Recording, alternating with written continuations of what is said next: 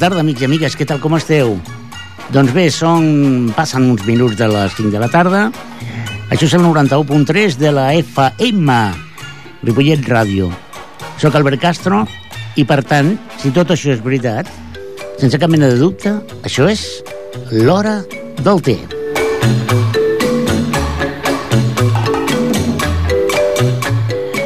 I avui saludem el Toni Miralles, que el tenim de tècnic. Toni, bona tarda.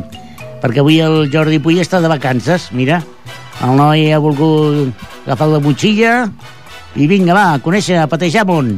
Doncs avui tenim el Toni Miralles de tècnic, que segur que ho farà molt bé. Doncs molt bona tarda, Toni. Y bueno, hoy, hoy el tema que, que planteamos aquí en la hora del té es un tema, mm, yo diría que muy, muy, muy interesante y que y que no habíamos abordado todavía, aunque parezca increíble porque hemos abordado prácticamente todos los temas, pero este en concreto pienso que, que vale la pena hacer un alto en el camino, mm, siéntense cómodamente y presten atención porque hoy vamos a hablar con Fernando Hernández. Buenas tardes, Fernando. Hola, buenas tardes. Fernando Hernández, eh, bueno, antes de empezar la entrevista, la pregunta de rigor, ¿té o café? Eh, bueno, yo café, yo personalmente café. Bien, bien. no soy muy muy anglófono, como se diga, pero vamos, prefiero el café. Tú prefieres el café. Lo digo porque tenemos una polémica con los invitados, ¿vale? El programa se llama L'Hora del Té, precisamente porque es a las 5 de la tarde, pero hay un empate técnico entre el café y el té entre los invitados, cosa curiosa, ¿no? Y he de- he de decirte que los que defienden el té lo defienden apasionadamente. Con lo cual, pues bueno, mm, bienvenido al mundo del, del café.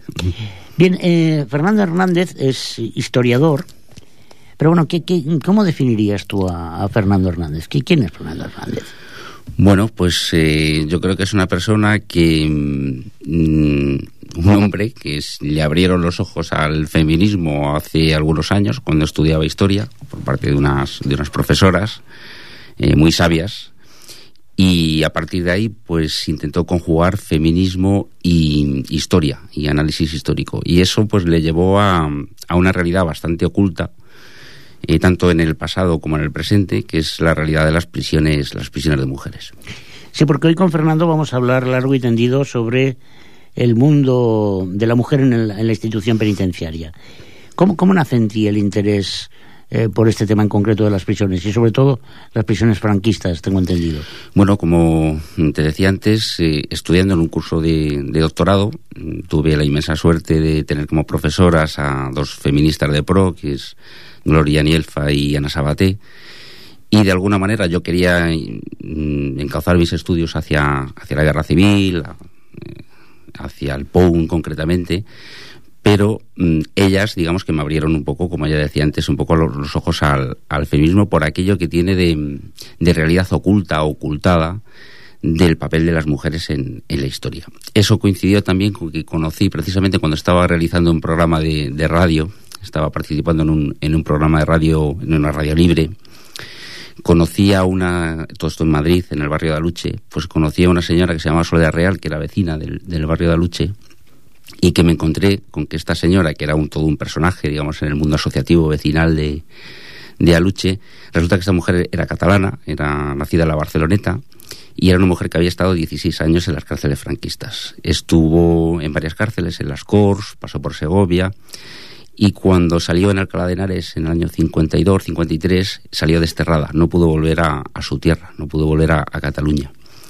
Y mm, se estableció en Madrid con un compañero con el que se había carteado cuando estaba en, en- Este compañero estuvo encarcelado, es decir, fue una especie de relación amorosa a distancia por carta. Se casaron estando encarcelados y ya, pues, digamos que montaron su casa, realmente una chabola, o sea, empezaron ahí en, el, en toda esta, esta zona de chabolismo de, Aluche, integrada en las luchas vecinales, etcétera, pero ella de alguna manera salió desterrada y se vio obligada a reconstruir su vida en Madrid. Esta señora, recuerdo que un, un miércoles, pues cuando la llamamos, nosotros hacíamos el programa de 10 a 12 de la noche, la entrevista la empezábamos a las 11, y nos encontramos con una señora de ochenta y tantos años que vino y se presentó en el programa para hablarnos de, de su historia.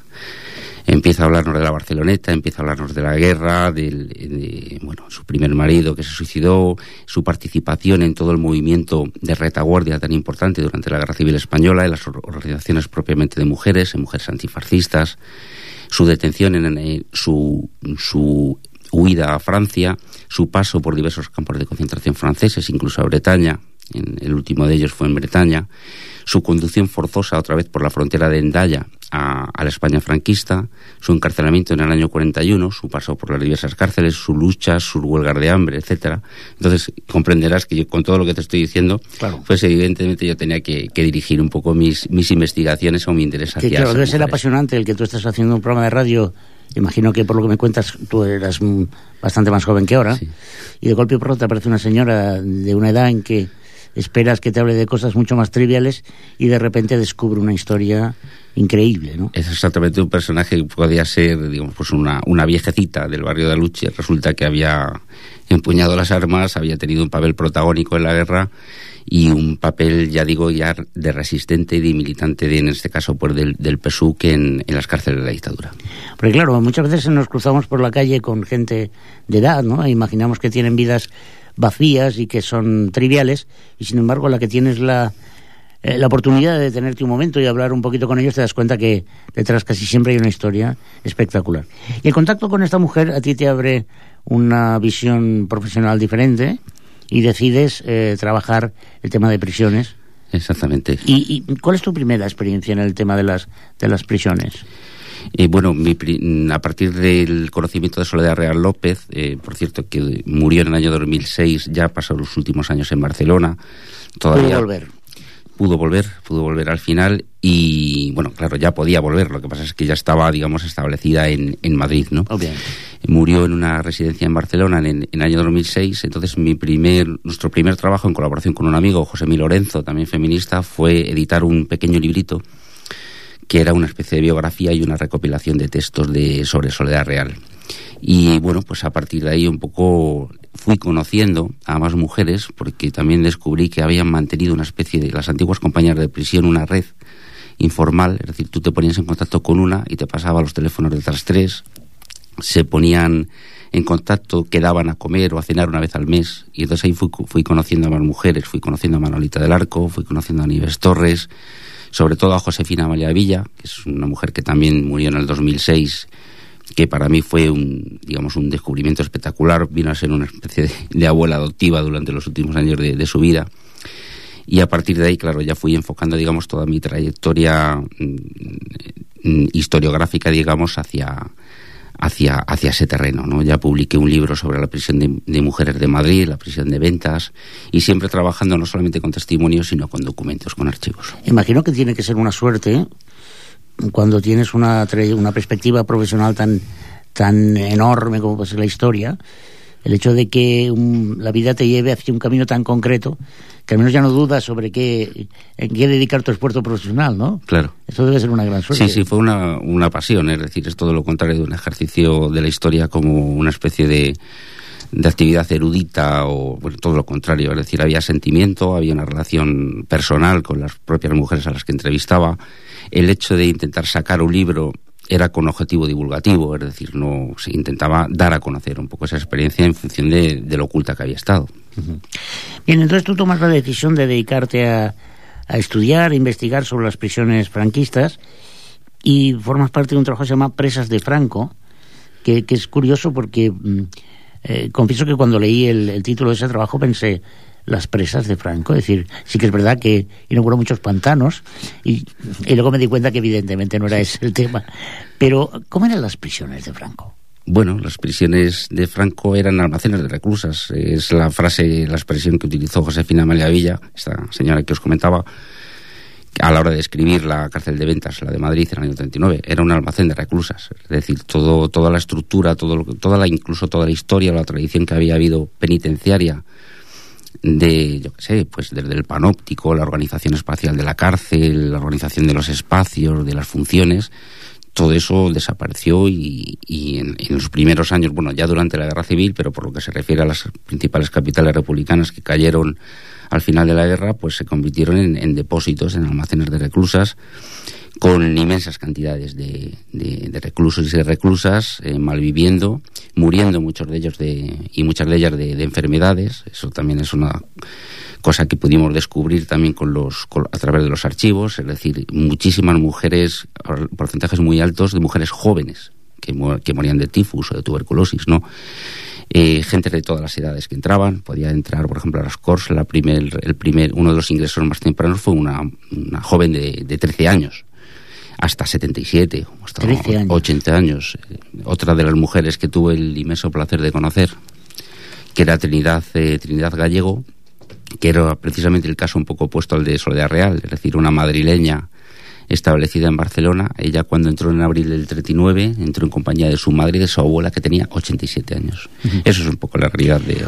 Una, pregunta, Fernando. Las, clases, las clases, las prisiones eh, republicanas prefranquistas eran muy diferentes a las franquistas o, digamos que no habían grandes diferencias? Bueno, yo te puedo hablar un poco de los casos que conozco, que son de las principales capitales españolas, de Barcelona y Madrid. Mm, te puedo decir que la, la cárcel de las Cors eh, fue realmente la prisión, que luego se convertiría en prisión provincial de Barcelona, fue un antiguo colegio regido por monjas para la moralización, lo que llamaban corrección y moralización de jóvenes descarriadas.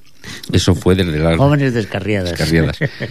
Desde, desde, estamos hablando de 1880 y tantos. Entonces, esas instalaciones de ese asilo, una vez que fueron incautadas en, en agosto del 36, en julio del 36, en pleno periodo revolucionario, inmediatamente, muy poco después, la Generalitat eh, lo transforma en lo que llamó Correccional General de, de Mujeres y he de decir que las condiciones por lo mm, se presentaron y sí que entiendo que debía de ser así como una especie de establecimiento que no tenía nada que ver con las antiguas prisiones que había de mujeres para el caso de Barcelona la de la ronda de San Pau la que llamaban Preso Bella ¿Por qué? Porque había jardines, había huertos, se pueden ver un poco las imágenes que se han conservado y porque el número de reclusas era, era muy pequeño. Es verdad que durante la guerra creció ese número de reclusas y se alcanzó hasta, hasta el mm, mil reclusas. También todo esto es una historia también apasionante porque allí en ese periodo de la guerra civil se juntaron desde presas derechistas hasta presas del POUM, por ejemplo, o presas anarquistas pero es cierto que esa cárcel no tuvo nada que ver con lo que se crea a partir del 27 de enero del 39, que es prisión provincial de mujeres. Es decir, porque luego se convierte efectivamente, lo que decía antes, en un almacén de reclusas, se duplican las cantidades y estamos hablando, por ejemplo, de 2.000 reclusas en, en las Cors en agosto del 39. Con ventas pasa tanto de lo mismo. Es decir, la venta es del año 39 no tiene nada que ver con las ventas, por ejemplo, del año 33, que hay que recordar que la prisión de ventas es la primera prisión modelo femenina, es decir, la primera prisión femenina que se construye es profeso, es decir, pensando en la realidad de las mujeres presas, pensando en los niños, con departamentos para salas para presas madres, y, y, es la primera, es, es el proyecto, digamos, estrella de Victoria Kent, que por cierto, fue la primera directora general de prisiones de, la historia de España y que era una muy buena conocedora del lamentable estado de las prisiones de mujeres. Durante esa época republicana se puede decir que la prisión de ventas funcionó muy bien y nada que ver con las antiguas prisiones, por ejemplo, que había en Madrid. Y lo que ya digo, la prisión de ventas en, en enero, en, en febrero del, del 39 y ya se convierte en, en marzo del 39, perdón, finales de marzo, el primero de abril, se convirtió en un almacén de reclusas donde se dieron cantidades incluso superiores a las de la prisión de las Cor. Madre mía. Claro, tratemos de hacer un ejercicio de imaginación, ¿no? Eh, eh, imagino que el nivel de reclusas, mujeres, en, eh, en aquellos tiempos por delitos comunes serían la inmensa minoría y que a raíz de la guerra civil la inmensa mayoría de reclusas eran por cuestiones políticas, imagino, ¿no? Exactamente. ¿Estaban, estaban eh, apartadas, separadas o, o convivían en la misma penuria? Bueno, en el año 39 en Madrid y Barcelona se da una circunstancia, evoco también, o quiero mencionar aquí también una frase de Josefina Malevilla, toda la cárcel era de políticas, eso era entre comillas.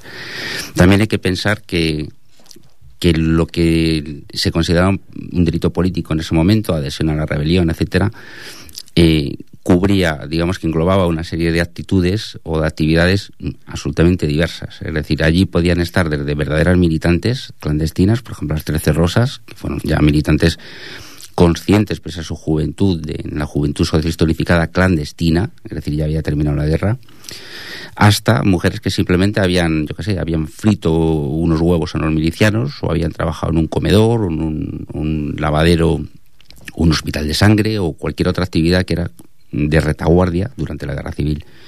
Eso significa, y además mujeres, algunas de ellas, mm, muchísimas de ellas de campo, pues, sin ninguna cultura, que de repente se veían enterradas en esas en esos almacenes de reclusas. Entonces hay que entender también que que eso es, eran todas políticas, pero claro, eh, eran todas políticas con una diversidad muy grande. Y es verdad que debido a la gran cantidad de ellas que había, sí que en los primeros momentos sí que había una división, o digamos, una separación entre, digamos que las políticas estaban aisladas de, de las comunes, ya por otras razones, si queréis, ya entraremos más adelante. Sí, sí, claro que sí, porque yo te imagino una persona inquieta, joven, con ganas de...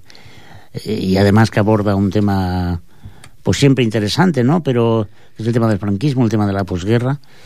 Y, imagino que fácil no lo tendrías para acceder a esta al material histórico documental, ¿no? Sino que por lo que me estás contando, el, el fondo de conocimiento era básicamente el, el contacto directo con personas que habían vivido esa experiencia, ¿no? Sí, pero claro, muy importante también era el factor documental, las fuentes documentales, mm, porque mi trabajo se ha establecido sobre todo en un diálogo constante entre memoria e historia, entre cotejar un poco las versiones de, de estas mujeres, de lo que me contaban, con eh, aquilatarlo y cotejarlo con las fuentes documentales. Y en este sentido, pues te podría comentar, por ejemplo, pues que las, la poca documentación que se ha conservado de una prisión que había generado una documentación inmensa, como era la de ventas, porque era de llegó a ser la más importante, la más poblada de Madrid, solamente se han conservado nada de listados, mm, nada de libros de altas y bajas, nada de libros de economatos, solamente se han conservado expedientes. Esos expedientes estaban, cuando yo los consulté, en un centro carcelario inactivo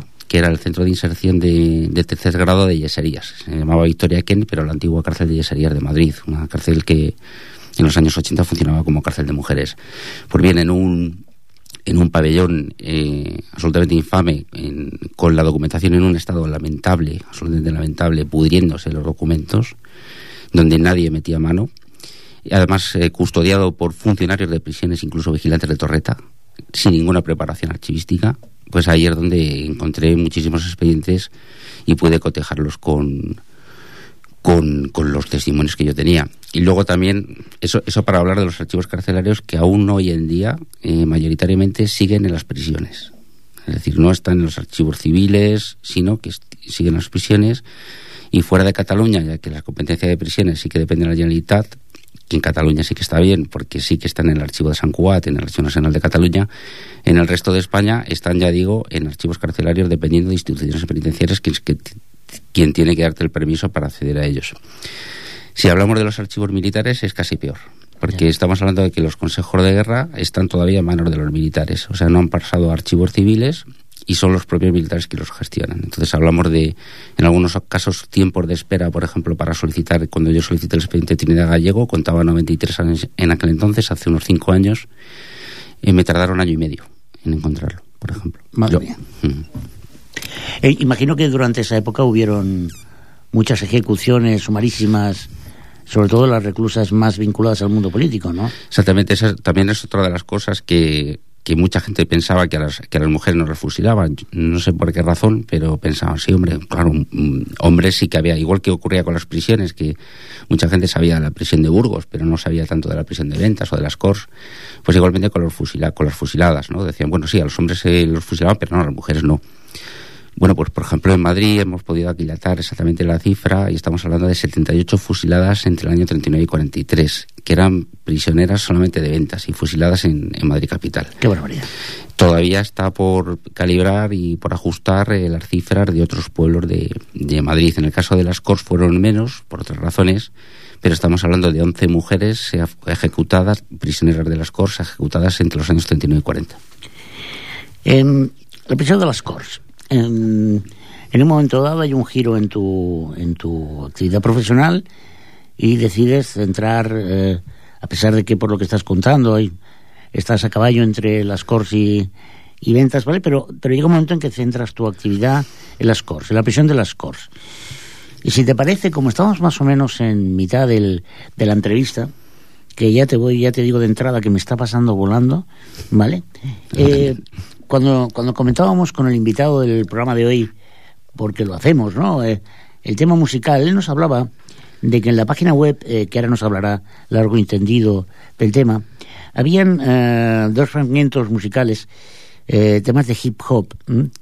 Eh, háblanos un poco de este tema del... Bueno, eso pertenece un poco... Mmm, yo cuando me vengo a Barcelona hace ya siete años, me dedico un poco a la presión de las CORS, creamos una, una página web que pretendía concentrar desde imágenes hasta testimonios, todo tipo de documentación sobre la antigua prisión de las CORS, de la que no queda ningún rastro, es donde hoy mismo se levanta el corte inglés de diagonal. Y nuestra voluntad era sobre todo llegar a la gente joven, es decir, llegar a los institutos, hacer charlas en los institutos, etcétera. Y ahí surgió una colaboración con una banda madrileña de hip hop que se llamaba La Boca, se, se llama, todavía existe, y entonces tuvieron una idea fantástica, que era funcionar con arreglos musicales, con canciones que recordaban las propias presas que habían sido como los hit parade de aquella época, estamos hablando de 45, 46, etcétera, funcionan con esos arreglos y funciona también con testimonios, con cortes de testimonios grabados de, de estas presas. Y ahí surgió pues esos, esos, esas canciones que yo creo que están muy bien. Fernando, ¿te parece que oigamos el Perfecto. primer corte de las Cors anys 40? Perfecto. Pues vamos a escuchar este, este primer corte. Per curar una ferida s'ha de saber què, què ha produït aquella ferida. Eh? Nosaltres no volem honors. Nosaltres el que volem és justícia.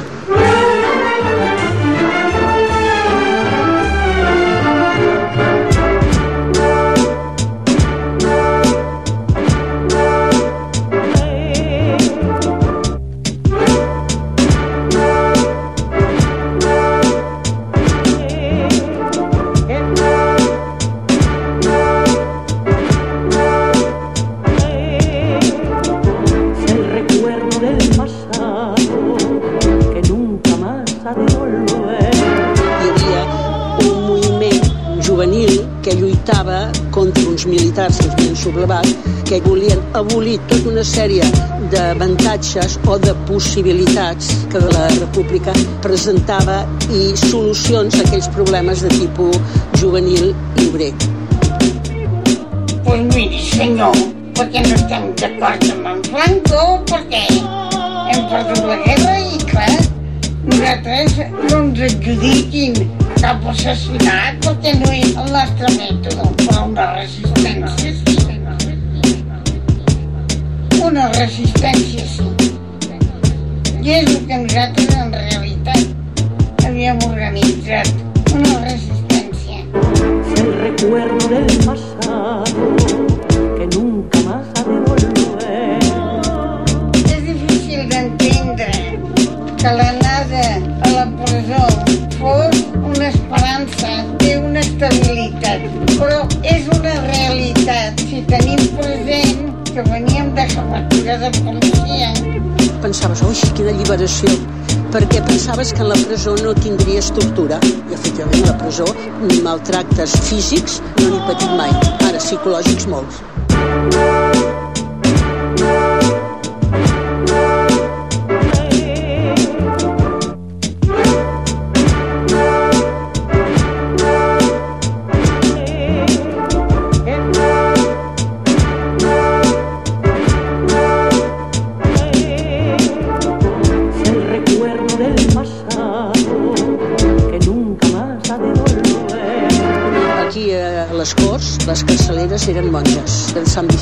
Paul. Hi havia alguna funcionària, però eren quasi totes monges, exercien el paper de carceleres, eh? molt intransigents i això donava un enfrontament amb les monges. Les monges mm, castigar-nos, perquè clar, vivien una època de, de triomfalisme. La vida carcelària és molt dura, és que condicions, el menjar molt dolent, no havia atenció mèdica, no havia higiene, dormíem a terra, no teníem espai, era tal la massificació dels lavabos, els lavabos, uns dos o tres lavabos que hi havia, no estava adequat. Es el recuerdo del pasado que nunca más ha de volver. Estàvem organitzats en allà. Estàvem organitzades, fèiem labor vam organitzar grups familiars per poder compartir el que rebies d'ajuda. Quatre o cinc o sis, les que tenien i les que no tenien, perquè menjar era infame. Tu no veies les faves, no hi havia grassa, no hi havia carn, no hi havia res. No? Era incomestible, m'entens? Esclar, tot això nosaltres no ho acceptàvem, ni ens rebel·làvem.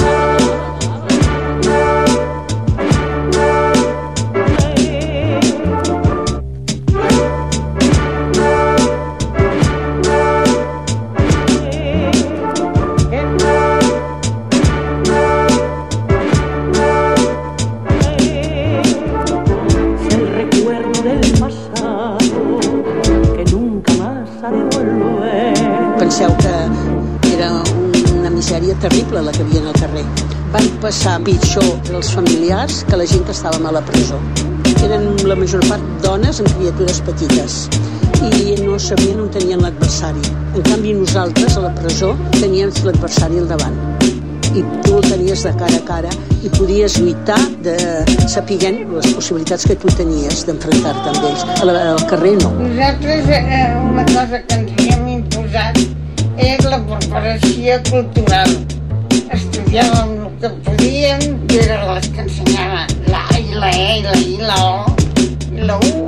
Puc dir-vos que ensenyava ciència, no, intel·lectual, res. El recuerdo del pasado que nunca más ha de volver.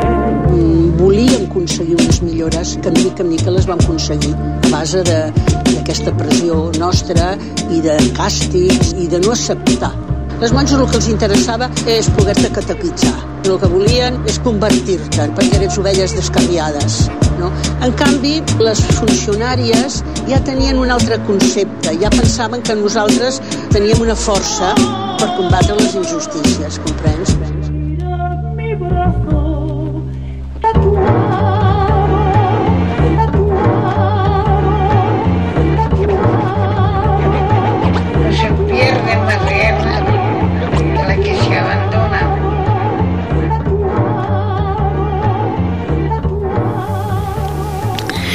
Increíble testimonio, francamente. Me he quedado.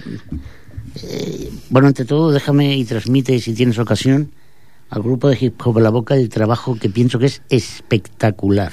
Pues les va a encantar porque además les voy a enviar el, el enlace y, y, bueno, les va a encantar de luego escucharte. Pues francamente, eh, mm, cuando nos comentabas esta, la posibilidad de oír este fragmento, claro, el hip hop yo esperaba pues el eh, típico eh, hip hop que suele ser música y sobre todo letra pues bastante reivindicativa y bastante dura, pero lo que no me esperaba era un montaje hecho con las voces auténticas de, de estas supervivientes de esa experiencia tan tan tan increíble. Desde luego, mm, mm, eh, escucharemos el otro fragmento que habla de los años 50 más adelante. Eh, perdonarme, ¿eh? Eh, ya sé que, que normalmente suelo ser un poquito frívolo y, y hasta divertido, pero es que después de oír esto uno se plantea muchas, muchísimas preguntas, Fernando. A ver, estas mujeres, eh, realmente que comentábamos mientras escuchábamos el testimonio, que van explicando de alguna manera cómo dentro de una estructura absolutamente aberrante, carente de cualquier elemento motivador, sino represiva, con, con unas condiciones precarias, estas mujeres se organizan y hacen un montón de actividades por ellas mismas. Sí, exactamente. Estas mujeres, eh, hay que tener en cuenta también que la mayor parte de estos testimonios son de condenadas de lo que llamaban empresas de posguerra. Es decir, eran mujeres muy conscientes, muy sensibilizadas, que ya cuando había triunfado el franquismo militan clandestinamente en los partidos. Es decir, ya estamos hablando de, un, de un, una apuesta arriesgadísima. Por eso tienen, reciben esas condenas tan largas. Es decir, estamos hablando de mujeres que están entre 10 y 18 años en, en prisión. Y ellas asumen esa identidad de resistentes, de militantes. Y lo asumen enfrentadas a ese otro poder que, como decían también en el testimonio, estaba ahí delante. O sea, estaba ahí delante, que estaba representado por las funcionarias, el director y las monjas, que eran las órdenes religiosas encargadas de la administración y vigilancia.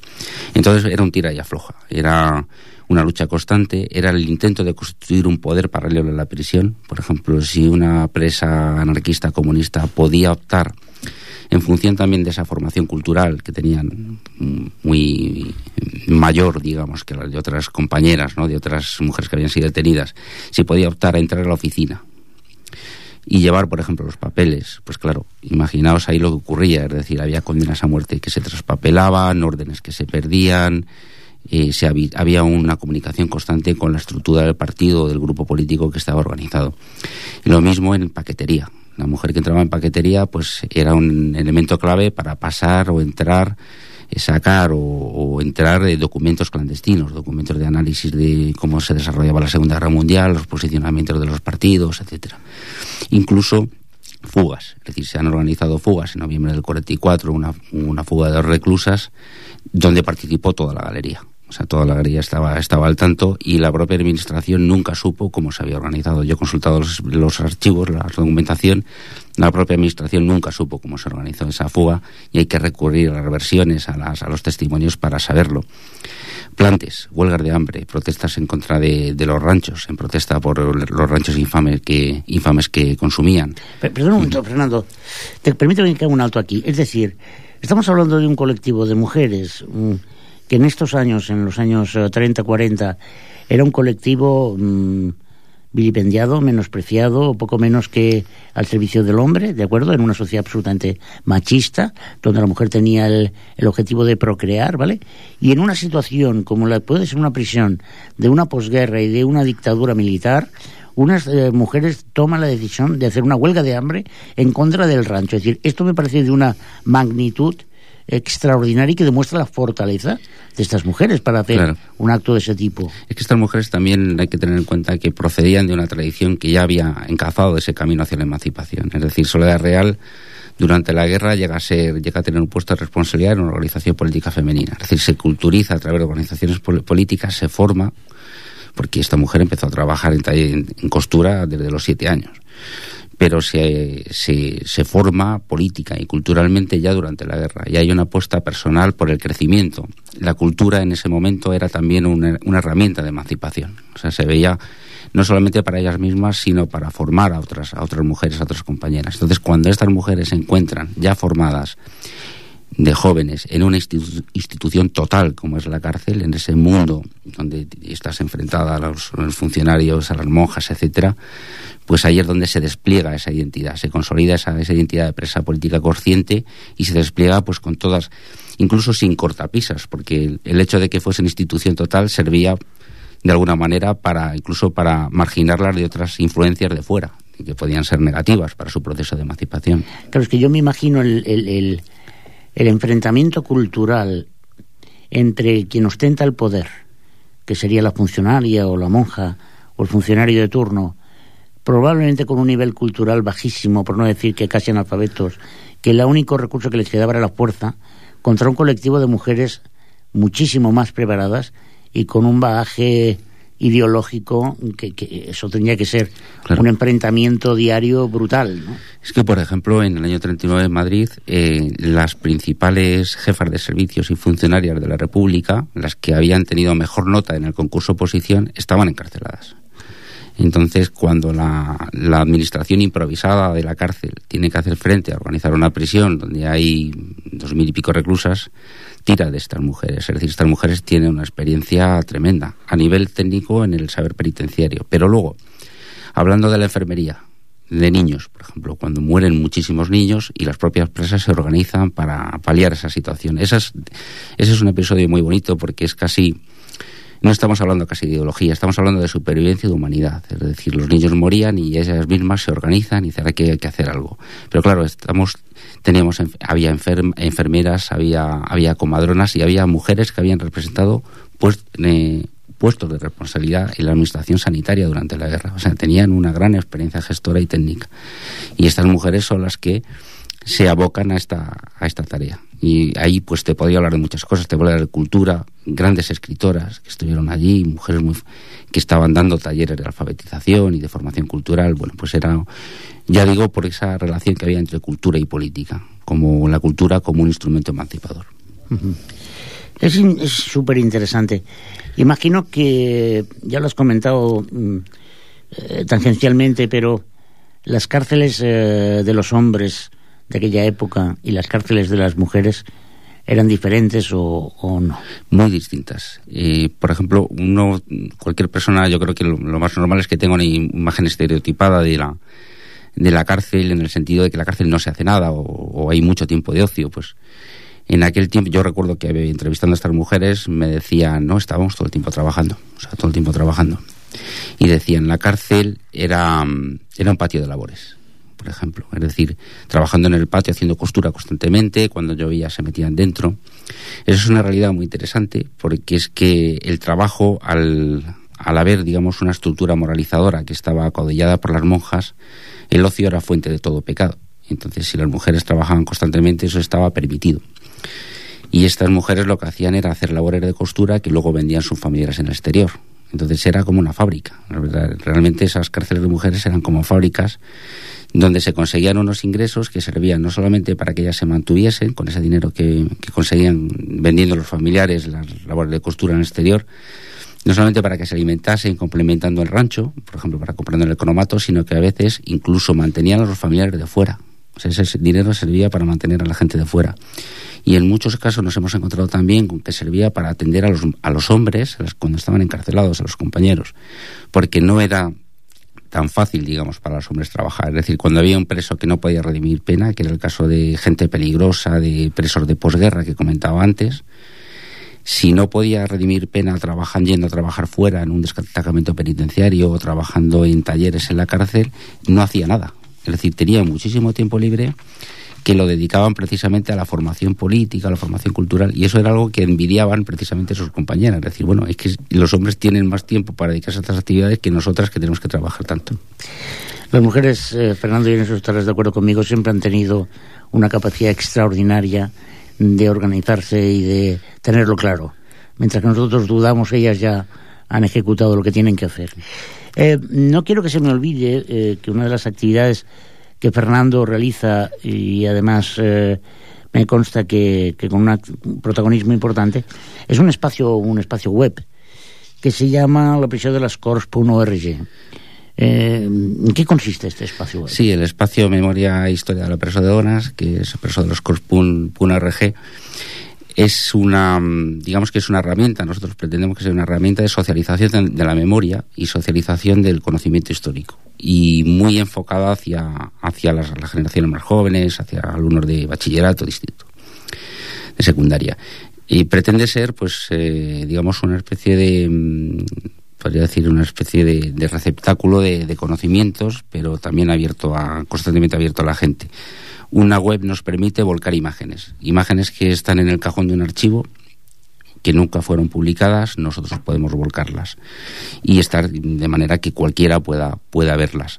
Con respecto a las imágenes nos interesa mucho explicarlas, no solamente a que sirvan como cromos o como ilustraciones, sino explicarlas, porque algunas de esas imágenes fueron publicadas con un objetivo y concretamente durante la época franquista con un objetivo publicístico, como por ejemplo las imágenes del Día de la Merced, cuando se permitía a los hijos de las, de las presas visitar a sus, a sus madres dentro de la prisión y estar varias horas.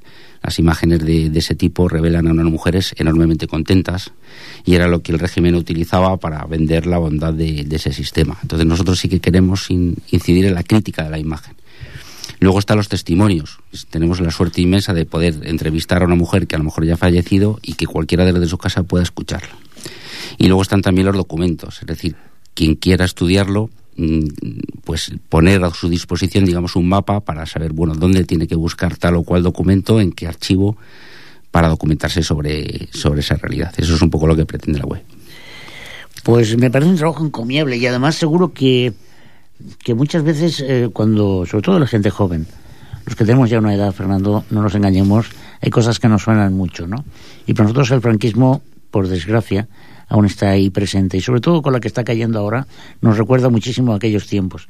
Pero quizás para, y afortunadamente, para la población de gente más joven, eh, son etapas de la historia como muy lejanas. Y yo pienso que espacios como este que permiten el, el, vivir en directo, sin intermediarios, una realidad tan cruda como pueda ser la realidad penitenciaria de unas mujeres que, cuyo delito era tener una ideología y un pensamiento, eh, puede dar mm, una idea más, más concreta de lo que, de lo que eran aquellos tiempos. Fernando, mm, ¿ha cambiado mucho la realidad penitenciaria en la actualidad? Pues eh, desgraciadamente no. Es decir, la realidad penitenciaria femenina acusa muchos rasgos continuistas. Mm, hay, he de decir también que, el franquismo también recoge muchos rasgos anteriores, de, épocas anteriores. Es decir, pero esa continuidad es casi secular, es decir, antes del franquismo, durante el franquismo y después del franquismo. El conocimiento que he tenido de algunas cárceles de mujeres en la actualidad mm, a mí me ha dejado sorprendido porque he visto precisamente esos rasgos. Por ejemplo, Los talleres de costura, que siguen siendo los, los mayoritarios, los talleres textiles en los centros penitenciarios femeninos. Eso es una realidad que se remonta hasta el siglo XVII o el siglo XVIII. Esa insistencia, porque pensemos en el modelo de domesticidad femenina que está detrás de todo este tipo de talleres de peluquería o talleres de, de costura, etcétera hay una especie de formación de sesgo mm, donde está toda la sociedad involucrada. Hablando también con un funcionario me decía, como disculpándose, no, es que los talleres subvencionados son del INEM. Es decir, no es que la propia institución penitenciaria promocione, no solamente eso, que promocione esos talleres, sino es que además los subvencionados vienen del INEM. Entonces, esa es una de las y luego otra de las características yo creo que son esenciales es el complejo psicológico que arrastra encima una presa. Es decir, cuando se encarcela a una, una mujer, se rompe generalmente una familia. Es decir, hay una situación de desasistimiento de los niños y eso genera una presión, una carga psicológica que, que hunde a, a la reclusa. Es decir, hay un complejo de culpabilidad. Es siempre mucho más estigmatizable una mujer presa que un hombre preso. Un hombre preso puede hablar de su experiencia eh, penitenciaria incluso con cierto orgullo en determinados ambientes. Una presa nunca te hablará con orgullo de que ha estado en la prisión, generalmente siempre lo llevará más oculto. Y ese complejo psicológico se ha arrastrado desde, desde siglos atrás. Es uno de tantos, de tantos rasgos que, que, que, acusa esto y que yo creo que también nuestra, nuestra web nos gustaría que sirviese también un poco de bueno, de pretexto, podría decirse así, o que indujese también a reflexionar sobre cómo están las mujeres ahora mismo en las cárceles. Es decir, qué ha cambiado, en qué condiciones están, cuántas hay, y bueno, pues abocarnos un poco a interesarnos por esa realidad tan oculta. Per això de cors.org es el, espai, el espacio web eh, en el que mm, podemos averiguar todas estas cosas que nos comenta Fernando Hernández. Y luego hay un, hay un tema que... Eh, que quizás aún le da un componente aún más eh, dramático, más terrible a las prisiones de las mujeres, que son los niños. Es decir, mm, es, eh, si alguno de ustedes ha tenido la ocasión de visitar alguna vez una prisión de mujeres, se da cuenta de que hay niños pequeños conviviendo con las reclusas. Y esto le da un componente difícil de entender, ¿no? Como entornos aparentemente mm, represores y represivos acogen eh, niños pequeños que le dan un, una, un aire absolutamente contradictorio, es decir, no sabes bien bien dónde estás, eso es terrible. ¿no? Sí, los niños, precisamente lo comentaba antes por el complejo psicológico, el hecho de que una mujer esté presa y o bien tenga al niño dentro, con lo que tú decías de esa realidad que se vive, o bien lo tenga afuera, eso forma parte de lo que te comentaba antes, de esa carga, de ese complejo de culpabilidad tremendo. Los niños ha sido la principal preocupación de, de las mujeres presas. Es lo que he visto yo en las entrevistas que, que, he venido realizando. Es decir, eh, preocupación por el estado de los niños, los niños que morían, las tragedias de, de, toda esta de toda esta um, chiquillería, digamos, que, que han dado por la prisión. Y luego, por lo que se refiere a las a los familiares de las de las reclusas, nosotros hemos entrevistado a hijos e hijas de, de reclusas y es tremendo lo que lo que nos cuentan y hablamos de vidas rotas, de vidas que están que están marcadas y bueno, también un poco nuestra web pretende también de que el conocimiento sirva también de tenga un sentido reivindicador o rehabilitador, incluso una función terapéutica de cara a estas familias. Ya te lo decía antes, Fernando, nos hemos quedado prácticamente sin tiempo. Eh, agradecerte tu, tu paso por el programa. Muchas gracias. Sería poco, porque pienso que nos has eh, hablado de cosas muy interesantes. Y desde aquí te amenazo con volverte a invitar. Yo encantado. Más adelante para que nos hables de cosas concretas y poner l'hora del té a tu servicio i disposició. Muchas gracias. Amics amigues, bueno, ja veieu, eh, avui hem parlat de... Normalment parlem de coses molt interessants, però avui especialment eh, punyents, eh? eh? No hem tingut temps de parlar de com eh, afecta les retallades al món penitenciari. Això serà motiu d'un altre debat, però us ben asseguro que no surten beneficiades iniciatives i propostes de reinserció de dones i d'homes en, reclusió al tema de la crisi. Eh, bé, eh, clar, costa molt acomiadar-vos. Eh, personatges i amics com el Fernando Hernández fan que aquest programa sigui a vegades molt gratificant. Moltes gràcies, Fernando, de debò. eh? Gràcies a vosaltres. Eh, a veure, ja sé que us ha agradat el programa i que hi ha moltes coses que us agradaria tornar a escoltar. Doncs bé, ripolletradio.cat i en allà podeu tornar a escoltar el programa tantes vegades com vulgueu. Però si això d'internet encara no lo domineu, el diumenge a les 5 es torna a repetir el programa. Toni Miralles, gràcies, ha sigut la persona que ha tingut a l'altre costat del vidre fent de tècnic. No ho has fet malament, Toni. De debò, eh? eh jo penso que necesitas mejorar, però progresses adequadamente. Eh, acabem el programa, Fernando, si et sembla, escoltant un altre, un altre tall de, del rap del grup La Boca. Abans escoltàvem els anys 40, ara acabarem amb els anys 50, tot recordant que això ha estat l'hora del té, que hem tingut un convidat, el Fernando Hernández, que ha estat un plaer, i convidant-vos a tornar a escoltar aquest programa el proper dijous a les 5. Una abraçada i fins una altra. Placer el chiquillo y nos cantaba ay mi sombrero y lo repetía, lo repetía, lo repetía y volvía a empezar. En tu sala y temblores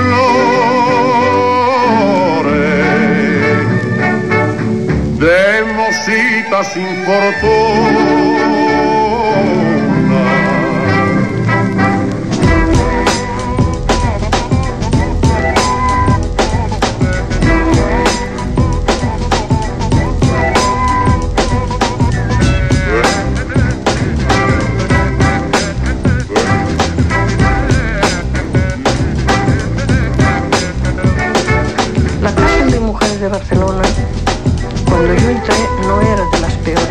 La endulzaban y la suavizaban. La comunidad de religiosas nos ayudaban mucho. Se ve que tenían la experiencia de las primeras presas o de las fusiladas que dejaron algo allí sentado ya. Sin embargo, el sacerdote de la cárcel de mujeres, no quiero decir, pero para mí era un animal. Pretendía hacer charlas libres charla libre, era él el que hablaba. Para la libertad se necesitaba su firma y teníamos que pasar un examen.